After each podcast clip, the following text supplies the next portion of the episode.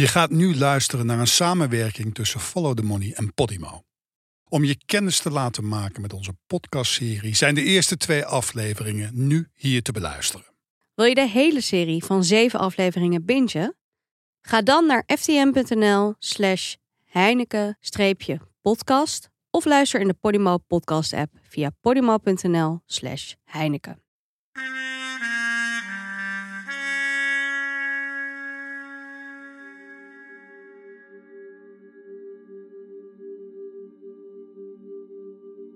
Is maandag 28 november 1983, net na 7 uur 's ochtends. Het is nog piekdonker. Onder een viaduct op de A12 glijdt 35 miljoen gulden naar beneden. Snel tillen Jan Boulaert, Frans Meijer en Cor van Hout de zakken in de Mercedes Hanemag en rijden weg. Ze wanen zich onbespied. Kunnen zien waar de zakken in zijn gegaan? Maar heel hoog in de lucht, vanaf de grond vrijwel niet te zien, hangt een helikopter met infraroodcamera.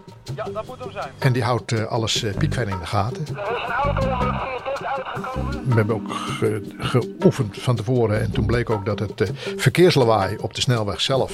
eh, dat geluid van die helikopter eh, overstemt. Die helikopter, daaronder hangt een zogenoemde gyroscoop. Dat is een apparaat die het, het, het wiebelen van het helikopter... voor wat betreft de beelden wat neutraliseert. En dat ding dat raakt op een of andere manier los. En dat lukt niet meer om, ja, om, om hem terug te krijgen, om de auto in beeld te krijgen. Potverdrie.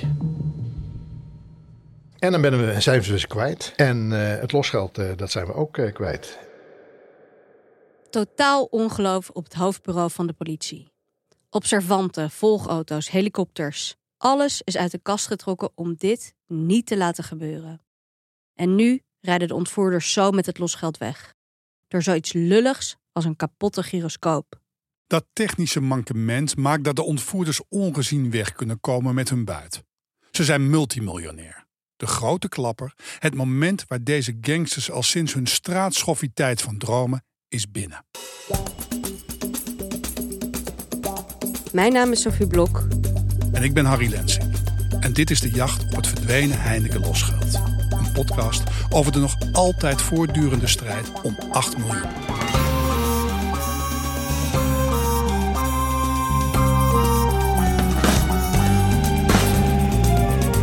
Freddy Heineken en zijn chauffeur zijn vanavond ontvoerd. Rijk de. Luister naar me. Ik heb een belangrijk bericht. U moet naar me luisteren. Het geld is beschikbaar. We willen betalen, maar zo kan het niet geleverd worden. Ik verkoop de huid niet voor de beer geschoten is. We kunnen zeggen, stop de persen. Dit zijn de ontvoerders. Jongens, er is niets aangetroffen. Nee? Godverdorie.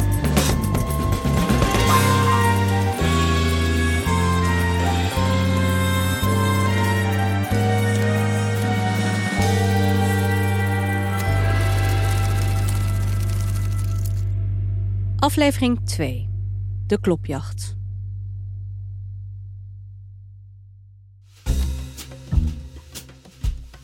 Vijf grote postzakken tot de rand gevuld met 35 miljoen gulden losgeld zet je niet zomaar even thuis in de gang neer. Stel dat de daders worden opgepakt, dan moet de buit in ieder geval veilig zijn. Ze moeten het geld dus zo snel mogelijk verstoppen. Daar hebben ze tijdens de voorbereidingen al rekening mee gehouden. Een aantal weken voor de ontvoering gaan ze op zoek naar een goede verstopplek. De keuze valt uiteindelijk op een afgelegen stukje bos in de buurt van Zeist. Daar graven de ontvoerders vier diepe kuilen en zetten er zwarte plastic tonnen in, formaatje kliko. Genoeg plek voor het losgeld. Jan Boelaert rijdt de groene hanenmacht buiten het oog van de politie naar het bos. Frans Meijer en Cor van Hout zitten naast hem op de voorbank. Eenmaal aangekomen snijden ze drie van de vijf postzakken open, kijken snel of er politiezenders in zitten en stoppen de bundels biljetten in de tonnen. De laatste twee zakken gaan er ongeopend in. Er is haast geboden. Niemand mag ze hier bezig zien. Boelaert start de motor van de Hanomag. En na een stukje rijden dumpt hij het groene vrachtwagentje op de plek waar zijn eigen witte Mercedes al klaar staat. Hij stapt in en rijdt naar Amsterdam. Zijn maten doen snel een trainingspak aan, trekken een paar racefietsen die ze eerder al hadden klaargezet de bosjes uit en fietsen weg. Terug in Amsterdam is het tijd voor een feestje. We hebben wel even in het café De Bank gezeten hoor. Op de Nieuwmarkt. Gesopen, een biertje en eh, gewoon even dronken geworden daar. Dit is Jan Boelaert, een van de vijf ontvoerders. We ontmoeten hem al in aflevering 1. Misschien zijn we nog onder de hoer ook geweest. Naar de Wallen. Ja, dat zit erachter hè. Ja. De vrienden vieren hun succes op de Wallen. De straten vol peeskamertjes, seksclubs en gokhallen zijn bekend terrein voor de ontvoerders. Het is een buurt die een belangrijke rol speelt in dit verhaal. Een gebied met een reputatie, waar boven- en onderwereld door elkaar lopen. En dat maakt de Wallen in de ogen van de politie een aantrekkelijke plek voor criminelen om zwart geld, bijvoorbeeld wat miljoenen losgeld, te beleggen. Maar daar zijn we nog niet, want aan de feestelijke sfeer komt al gauw een einde. Maar eh, dezelfde tijd kregen we wel last van die achtervolgingen van de politie. De politie observeert de ontvoerders dan al een tijdje. Ze houden hun woningen in de gaten, kunnen via taps meeluisteren als Martin Erkamps vanuit zijn appartement met de andere ontvoerders belt. Ze volgen hun auto's. En dan is er een bijzonder moment, want dan eh, is een van de observanten die dan op de voetjes is, zoals dat heet. Hè. Ze rijden vaak in auto's, maar zitten ook op de fiets, de bromfiets, motor enzovoort. Maar ook lopend, en dat heet dan op de voetjes. Die heeft een tiende van een seconde heeft hij oogcontact met de bestuurder van de auto die op zijn maten zit te wachten. Gert van Beek, een van de leiders van het politieonderzoek naar de Heineken-ontvoering, krijgt continu updates van de observerende agenten. Die politieman die denkt, potverdomme, ik ben stuk. Eh, en die crimineel, die heeft dat waarschijnlijk ook gezien. En die eh, denkt, eh, potverdomme, dat is de kid. We worden gevolgd. De ontvoerders grootste angst komt uit.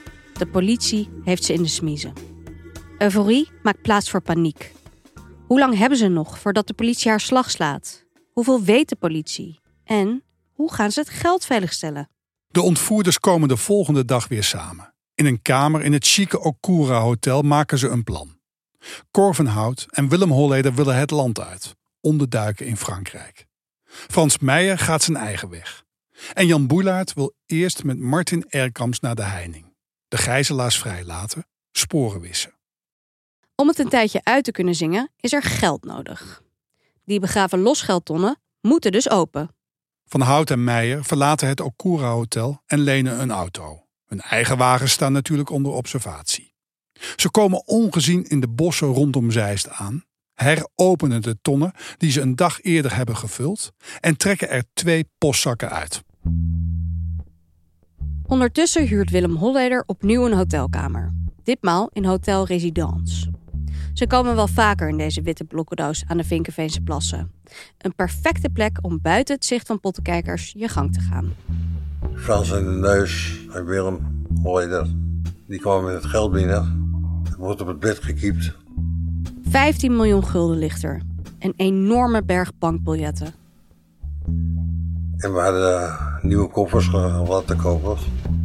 Dus iedereen kreeg een koffer met, eh, met minstens een miljoen. Minstens is een flinke onderschatting. In elk van de vijf koffers zit zo'n 3 miljoen gulden. Toch is niemand in de stemming voor een feestje. Ik ben gewoon naar huis gereden. Met geld in mijn kofferbak. En ik had eigenlijk geen grote plannen ermee. En toen heb ik s'avonds in het Okura Hotel geslapen. Nou, van het Hotel was ik vroeg opgestaan. Ik had afspraak met die remmetje. Want we gingen Heineken Doder eh, bevrijden. Wat Boelaert niet weet, is dat de politie precies hetzelfde plan heeft. En zij zijn de ontvoerders net een stapje voor. Dus we hadden een volgordelijkheid. Eerst Heineken en Doder eh, vinden. Naar een veilige plaats brengen waar de pers ze niet kan vinden. Dan worden er op een kleine 30 plekken in eh, Noord-Holland, Amsterdam en omstreken, maar dat loopt tot aan Den Helder. Worden invallen gedaan bij mensen, en we hadden inmiddels een relatieschema gemaakt. die mogelijk mededader of medeplichtig zijn. of enige betrokkenheid bij de ontvoerder zouden kunnen hebben. Een enorme operatie. Heineken en Doderer moeten levend vrijkomen. Dat is het allerbelangrijkste. En nu de ontvoerders het geld binnen hebben, zijn de heren een stuk minder waard, zo is de gedachte. Niet alleen van de politie, Misschien ook van Heineken en Doderen zelf. Zo van, En wij zijn misschien lastige getuigen en misschien worden wij wel eh, doodgemaakt. Het besluit valt.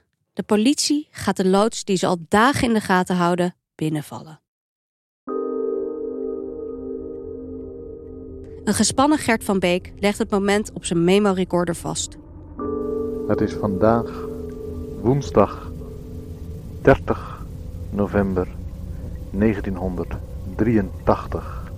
De tijd is 4 uur en 45 minuten.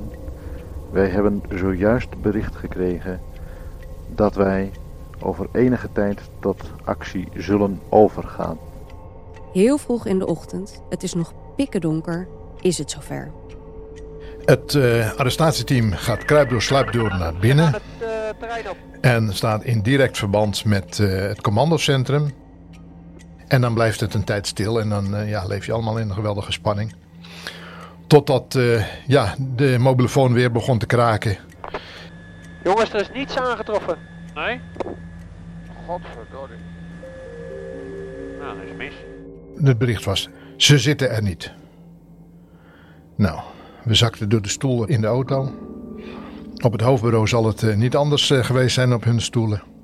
Het kan toch niet, het kan toch niet. de agenten checken het hele pand en vinden niets.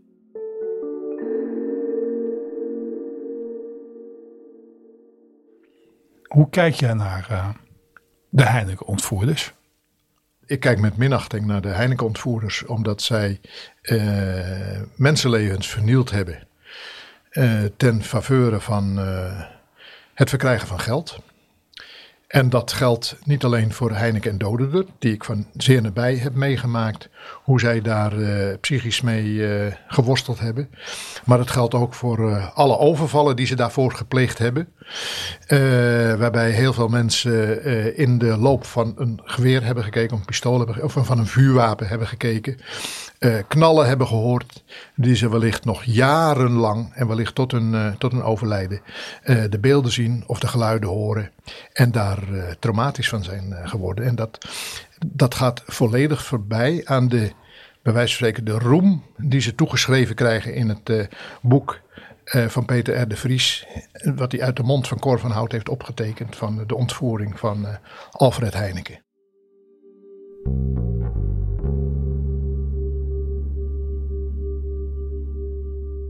Op het terrein bij de loods kijken de leden van het arrestatieteam vertwijfeld om zich heen. In het commandocentrum heerst verslagenheid. Dat wil je gewoon niet eh, eh, beleven, ervaren. Zoek nog eens door, zoek nog eens door. Dan beseft iemand dat de buitenmuur verder doorloopt dan de binnenmuur. Zou het dan toch? Een agent duwt tegen de achtermuur. En wat bleek nou? Er zit een verborgen ruimte achter. En daar treffen ze de mannen aan. Na een aantal minuten komt het bericht van... Ja, ze hebben ze, ze hebben ze. Ze hebben ze. Ze, ze hebben ze. Van Beek snelt naar de loods. Aan hem de taak om Heineken op te vangen en te ondersteunen. En daar staat hij dan. En eh, ja, hij kijkt mij aan en omhoog, want ik ben nogal lang. En ik zeg dan, meneer Heineken, mijn naam is Van Beek eh, van de Amsterdamse politie. En het is voorbij. Dit had ik ingestudeerd. En eh, een heel adrem antwoord van de heer Heineken was, eh, nou, het heeft wel lang geduurd. Het tijdstip is 5 uur en 40 minuten. Wij hebben zojuist de heer Heineken in de auto genomen en zijn nu op weg naar een veilig adres. We hadden dus de, wat je kan noemen, de lievelingskleding van eh, zowel Heineken als Dodener eh, meegenomen. Eh, voor Heineken hadden we zijn, eh, ja, zijn sigarettenmerk eh, meegenomen, Philips eh, Morris Light. Zodat hem dat ook weer meteen eh, vertrouwd gaf. En nou, er werd er ook met direct een opgestoken.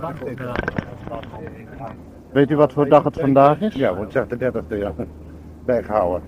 U heeft dat steeds ook zelf bijgehouden. Nou, we hadden radio eh, Caroline, dus dan wist je wat voor dag het was en hoe laat het was. Telt een minuutje bij. U heeft eh, veel mogen roken of mocht u niet roken? Eh, De eerste week niks en toen één of twee per dag.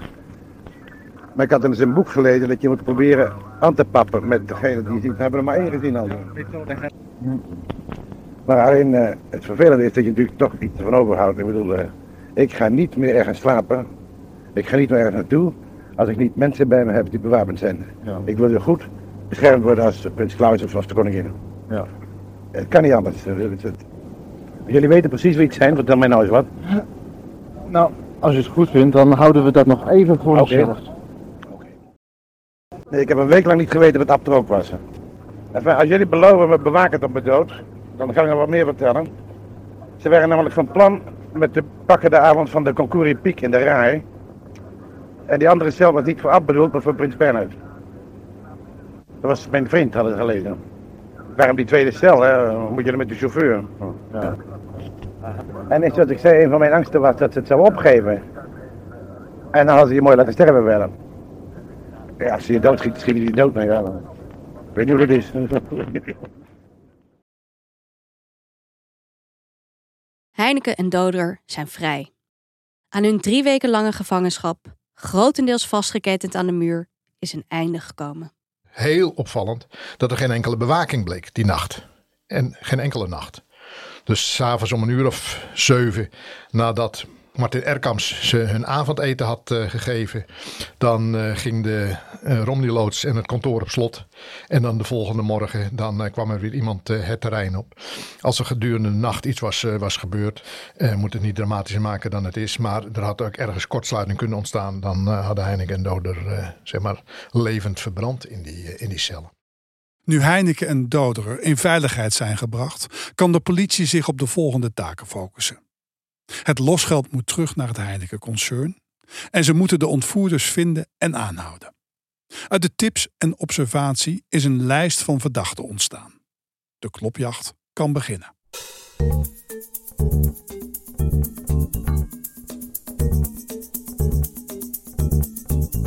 Het nieuws dat Heineken en Doderer gevonden zijn, is nog niet bekendgemaakt.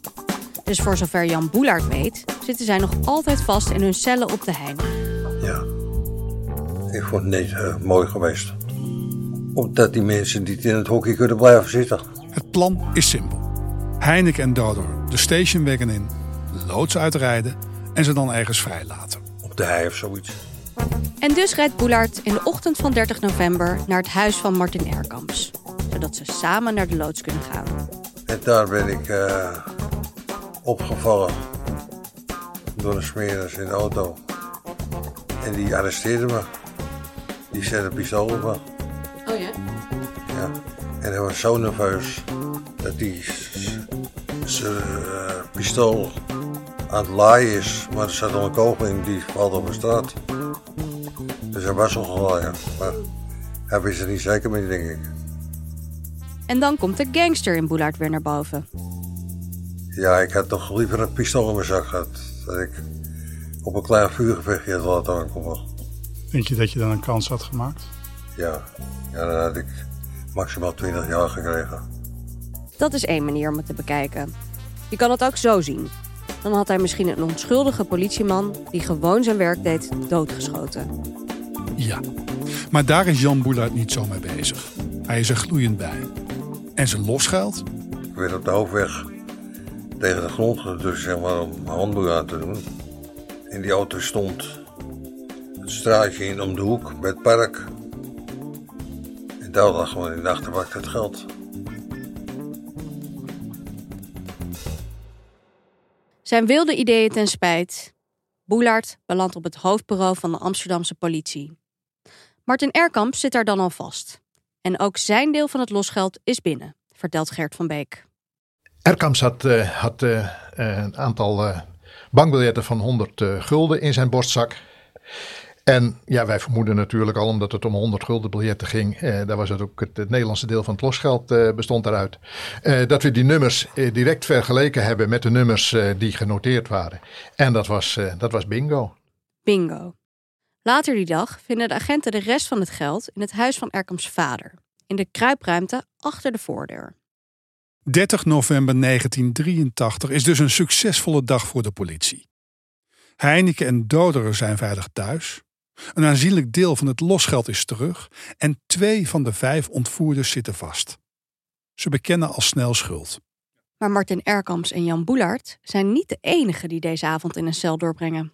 De politie werpt het net wijd uit en arresteert vrienden, geliefdes en familieleden. En dan wordt ineens die deur ingetrapt. Maar ik denk, nou, als, eh, wat is dat nou, weet je? En ze rennen ze gek naar boven. Ook de deur eh, bij mijn eh, moeder ingetrapt. En daar hebben ze dus op een gegeven moment eh, een inval gedaan. En toen was er eentje die liep naar boven, waar ik bij de buurvrouw stond. En ja, die zegt van, eh, hier jij. Ik zeg, eh, hoezo, wat is er?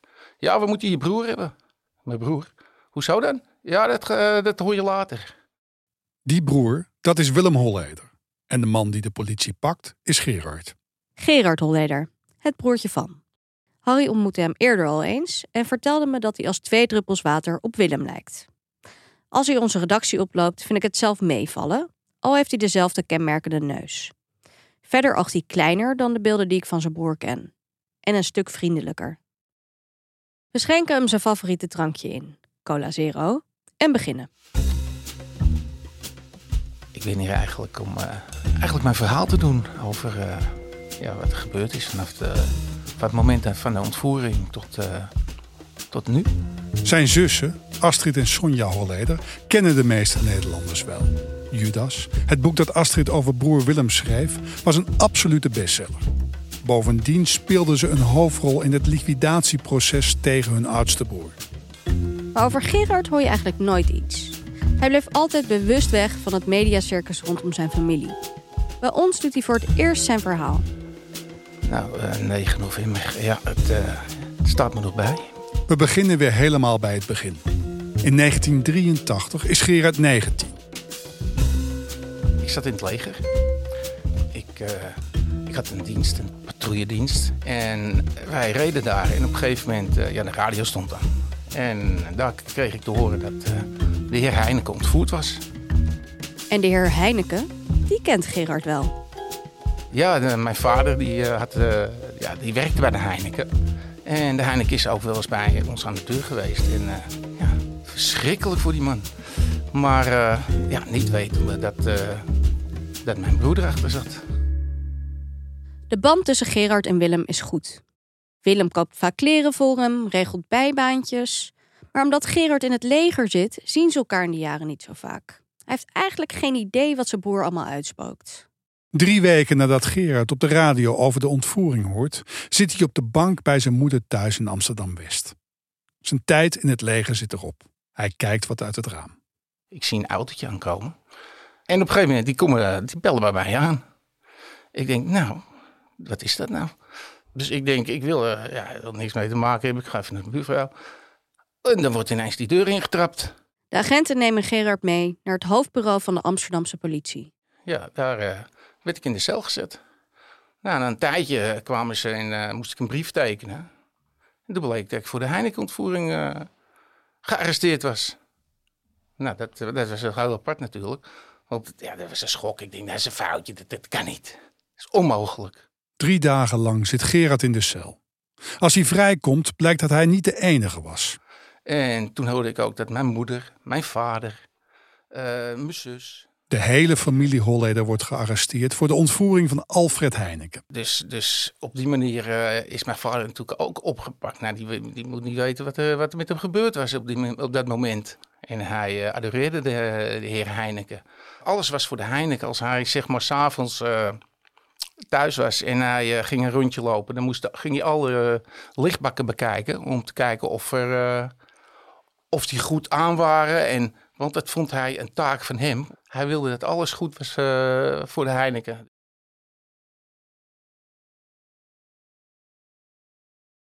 De politie verhoort de verdachte en krijgt stukje bij beetje duidelijkheid over wie er wel en niet bij de ontvoering betrokken zijn. Jan Boelaert en Martin Erkans blijven vastzitten. Hun vrienden en familieleden mogen gaan. Maar van de andere drie ontvoerders ontbreekt op dat moment nog ieder spoor. Van Hout, Meijer en uh, Holleder, die uh, waren gevlogen. Die zaten niet meer op de adressen waar ze zich mogelijk hadden kunnen uh, ophouden. Een domper voor de politie. Maar er volgt snel goed nieuws.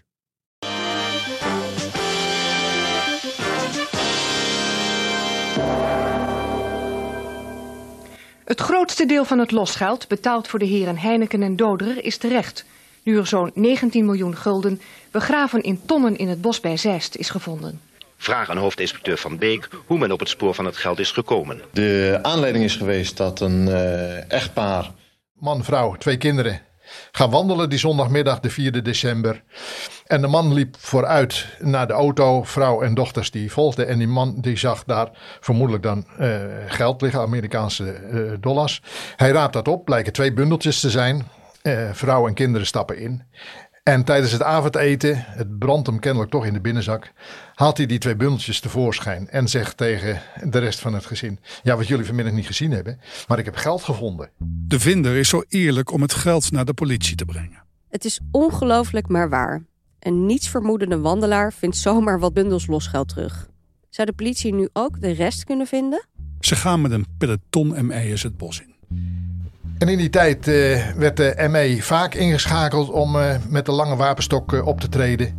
Maar dat was tegen krakers. Maar nu werd er dus met de lange stokken in de grond geprikt, op linie, om te kijken of daar ergens iets verborgen was. En al na 20 minuten stuitte een van de ME'ers met zijn wapenstok op een harde ondergrond. En dat werd vrijgemaakt. En dat bleek een, een grijze deksel te zijn. In een met blad en takken afgedekte kuil werden vier grote plastic containers ontdekt... die waarschijnlijk al voor de ontvoering zijn begraven. De politie vindt de vier tonnen. Eentje daarvan zit vol met wapens, kogelwerende vesten en andere attributen die de daders tijdens de ontvoering hebben gebruikt. De overige drie zitten vol met losgeld. Ongeveer 19 van de 35 miljoen die het Heineken-concern betaalde. Op het hoofdbureau van de Amsterdamse politie krijgt Jan Boelaert een boodschap waar hij niet op zit te wachten. Nou, ik zat onder verhoor en opeens komen ze bij me binnen. Hyperpiep, we hebben je geld gevonden. En die vertellen hoe ze het hadden gedaan. Met prikstokken hadden ze een hele boel mensen laten prikken in de vloer. En eentje die was op een, op een en daar hadden ze het gevonden. Boom. Weg is de buffer waar Boelaert na zijn straf van wilde leven. Ja, mijn wereld zakt in elkaar. De tussenstand, een week na de losgeldoverdracht. Vijf dagen na de bevrijding van Heineken en Doderer. Twee van de vijf daders zitten vast. Drie vijfde van het losgeld, zo'n 19 miljoen gulden, is teruggevonden. Maar hoe zit het met de andere drie daders? Waar Cor van Hout en Willem Holleder zijn, weet nog niemand. En Frans Meijer? 28 of 29 december, ik zat zelf ook aan het hoofdbureau. En toen eh, was eh, Meijer was op het hoofdbureau verschenen, want hij kon het niet meer aan. Hij had, uh, nou ja, hij voelde zich opgejaagd. Frans Meijer komt met een opmerkelijk verhaal. Dat hij het geld, want het was bloedgeld, en dat kon hij niet verantwoorden voor de heer. Dat hij dat verbrand heeft op het strand bij Egmond of bij Bergen. De politie gelooft het verhaal niet. Meijer heeft net twee mensen ontvoerd en drie weken in barbaarse omstandigheden vastgehouden. Puur en alleen voor het geld. En die buit zou hij nu ineens zomaar verbranden? Er komt dan ook geen verder onderzoek. Als Meijer het geld echt heeft verbrand, zullen ze toch niets vinden. Maar hoeveel geld had Meijer eigenlijk bij zich? En waar zijn Cor van Hout en Willem Holleder toch? Om met het laatste te beginnen, Van Hout en Holleder zitten in Parijs. Ze steken na de verdeling in Vinkenveen de grens over en verblijven in het appartement van een vriendin van Holleder. Om rond te kunnen komen nemen ze een paar ton van het losgeld mee. En de rest van de miljoenen? Ja. Vanaf hier lopen de verhalen over het verdwenen losgeld uiteen en begint de mythevorming.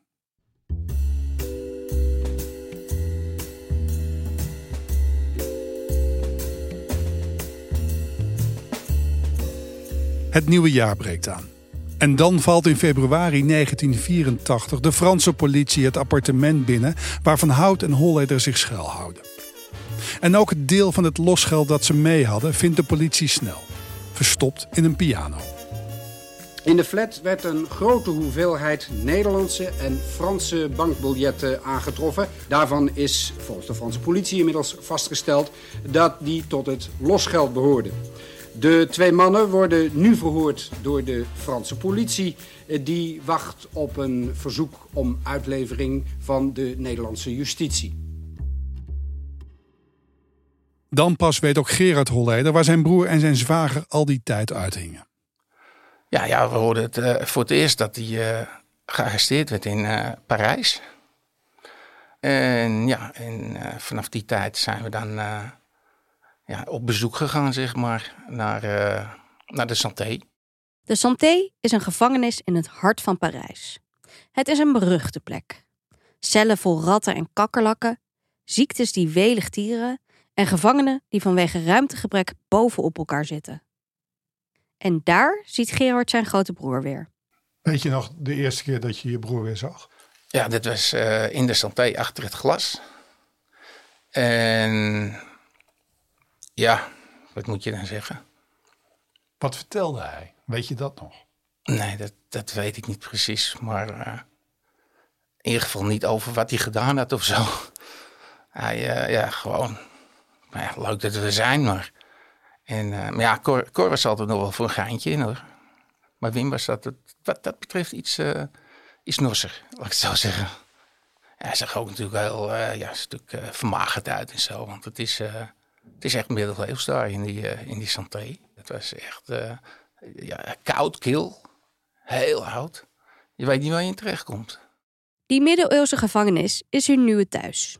Van Hout en Holleder denken aanvankelijk dat het niet voor lange tijd zal zijn. Nederland zal snel genoeg om uitlevering vragen. Maar hun advocaat ontdekte maas in het uitleveringsverdrag tussen Nederland en Frankrijk. De delicten waarvoor de Nederlandse staat de daders wil vervolgen, zijn daar niet in opgenomen. In afwachting van een besluit blijven de mannen daarom in de Parijse gevangenis vastzitten.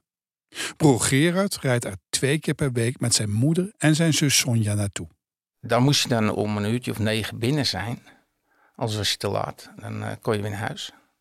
Dus op een gegeven moment was het uh, twee uur opstaan in de nacht. Dan was je er een uurtje of zeven, half acht. En dan, ja, dan altijd drukte daar op die periferiek.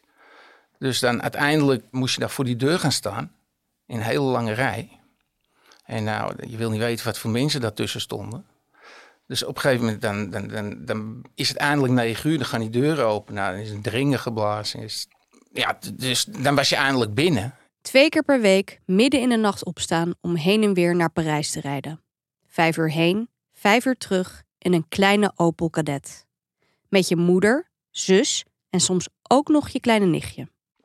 Ja, maar ik heb toch niks te doen. ik kom toch niet aan de bak. Gerards achternaam is inmiddels berucht in Nederland. Hoor je Holleder, dan denk je Heineken-ontvoering. Niet handig als je net op zoek bent naar een baan. Zodra een potentiële werkgever die achternaam hoort, gaat de deur dicht. Het is iets dat hem tot op de dag van vandaag achtervolgt. Toch blijft hij zijn broer trouw, ondanks Willems misdaden. Ja, je blijft je familie toch steunen op de een of andere manier. Het is, uh, het is natuurlijk verschrikkelijk wat ze gedaan hebben. Maar ja, aan de andere kant, ja. Ik, ik, ik kan alleen maar één ding doen. En dat is gewoon uh, zorgen dat ze, ja. Als ze eenmaal in Nederland zijn, dan denk je, want je denkt bij je eigen, nou, het gaat toch niet lang duren. En dan rijd die tijd wel even heen en weer. Maar dat viel vies tegen. Dat werden jaren. Jaren werden het. Nederland trekt uiteindelijk het uitleveringsverzoek in. Zo kunnen Van Hout en Holleder bij eventuele terugkomst in Nederland toch berecht worden. Frankrijk kan Van Hout en Holleder niet uitleveren of zelf berechten, maar wil ze ook geen verblijfsvergunning geven. De Fransen bedenken een creatieve oplossing. Toen hebben ze besloten om ze een hotelarrest, te, hotelarrest te geven. Nou, dat hotelarrest dat was uh, in Beauvais. Maar dat was ja, op zich een stuk grote verbetering voor hun natuurlijk. Merkwaardige situatie hier in een hotel bij de Noord-Franse stad Beauvais. De mannen zijn gisteren officieel vrijgelaten door de Franse regering... maar hebben huisarrest gekregen en worden dus hier in dit hotel zwaar bewaakt door de Franse politie. Maar ze mogen iedereen zien. Ze mogen hun familie zien, hun vrouwen zien. Ze mogen ook de journalisten zien. Na een kleine twee jaar verlaten Willem Holleder en Cor van Hout dus eindelijk de Gouden Santé... en verhuizen vreemd genoeg naar een twee-sterrenhotel in Beauvais. Het is zo'n typisch motel dat je aan de snelweg vindt. Laag, wit, met kamers die je via een galerij binnengaat. En ook daar gaat de familie Holleder trouw op bezoek. Maar ze zijn niet de enige. Nou, ik ben Arjo de Jong. Ik was uh, destijds uh, uh, na de ontvoering van Freddy Heineken was ik hoofdbeveiliging security manager heette dat binnen de firma Heineken. Freddy Heineken besluit meteen de dag na zijn vrijlating een beveiligingsteam op te zetten. Arjo de Jong maakt deel uit van dat team. Het was zo'n bijzonder proces. De mannen waren daar aangehouden in, op de Rue de Penthièvre in Parijs. Overigens ook nog eens een keer op een plek vlakbij. Een plek waar men Heineken een privéappartement had. Dat puur toeval overigens. En dat ze al dan niet onder politiebewaking ondergebracht werden in een hotel. Ja, dat wekte gewoon verbazing. Weet je, dus, dus wij zijn ook vanuit wat gebeurt hier? Weet je, wat is dit? Wat, wat gaat er met die mannen gebeuren? Dat willen ze in de gaten houden. En dat die jongens niet via de achterdeur zo meteen uh, weer de vrijheid kunnen kiezen. Nou, daar was, daar, Peter de Vries was daar onder andere heel snel aanwezig. Twee Heineken-ontvoerders met hotelarrest. Een bizarre situatie waarvan zelfsprekend veel pers op afkomt. Waaronder dus Peter R. de Vries. Ook hij huurt een tijdje een kamer in het hotel. De gesprekken die hij daar met de mannen voert, monden uit in zijn beroemde boek over de ontvoering. Het is ook het begin van zijn jarenlange vriendschap met Cor van Hout en in mindere mate met Willem Holleder. Vijf maanden lang zitten de mannen er. Het duurde lang en, en er gebeurde verder niet zoveel. dus wij waren blij toen die jongens op het vliegtuig naar het Caribisch gebied gingen. Toen kwam er weer een beetje beweging in het verhaal. De Franse regering is klaar met de ontvoerders. Uit het oog, uit het hart moeten ze hebben gedacht op het moment dat ze besluiten de mannen naar Sint Maarten te sturen.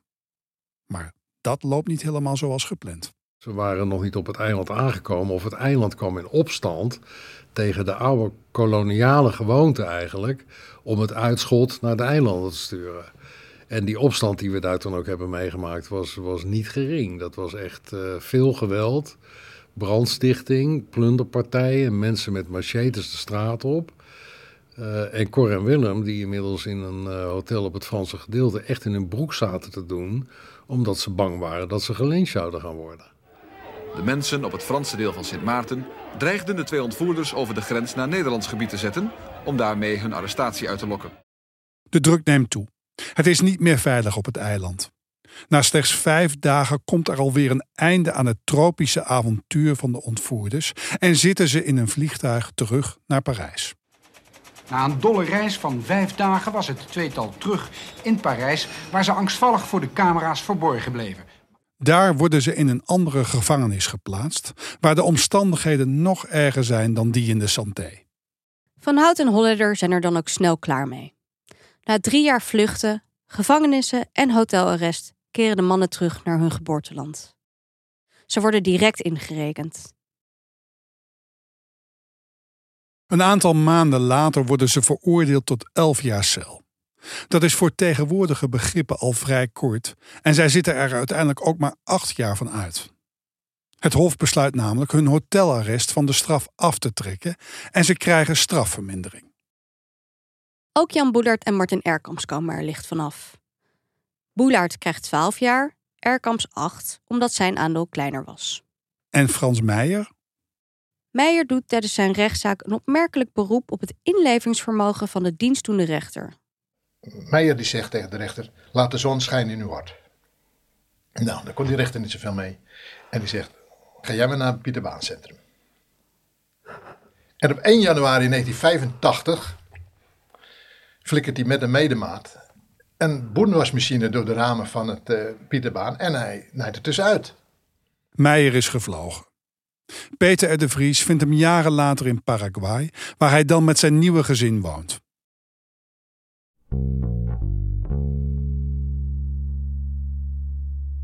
Als de mannen hun straf hebben uitgezeten, is het januari 1992.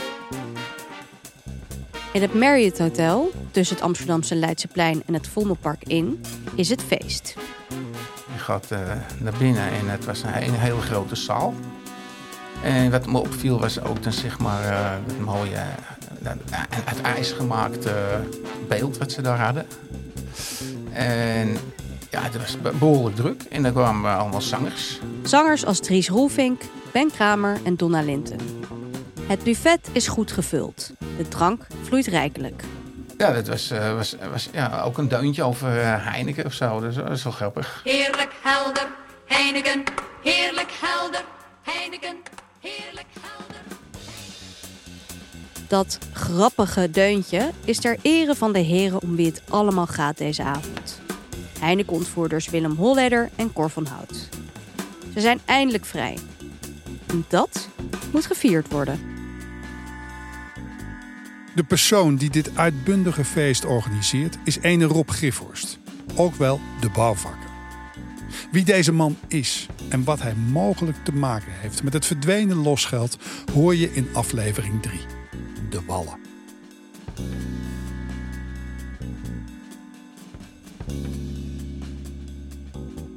Dit was aflevering 2 van de Jacht op het Heineken Losgeld. Een co-productie van Dag en Nacht Media en Follow the Money. Deze podcast maakte ik, Sophie Blok, samen met Harry Lensink. Geert van de Wetering en Danielle Eemans deden eindredactie. Jeroen Sturing deed montage en mixage. En de muziek is gemaakt door Nozem Audio.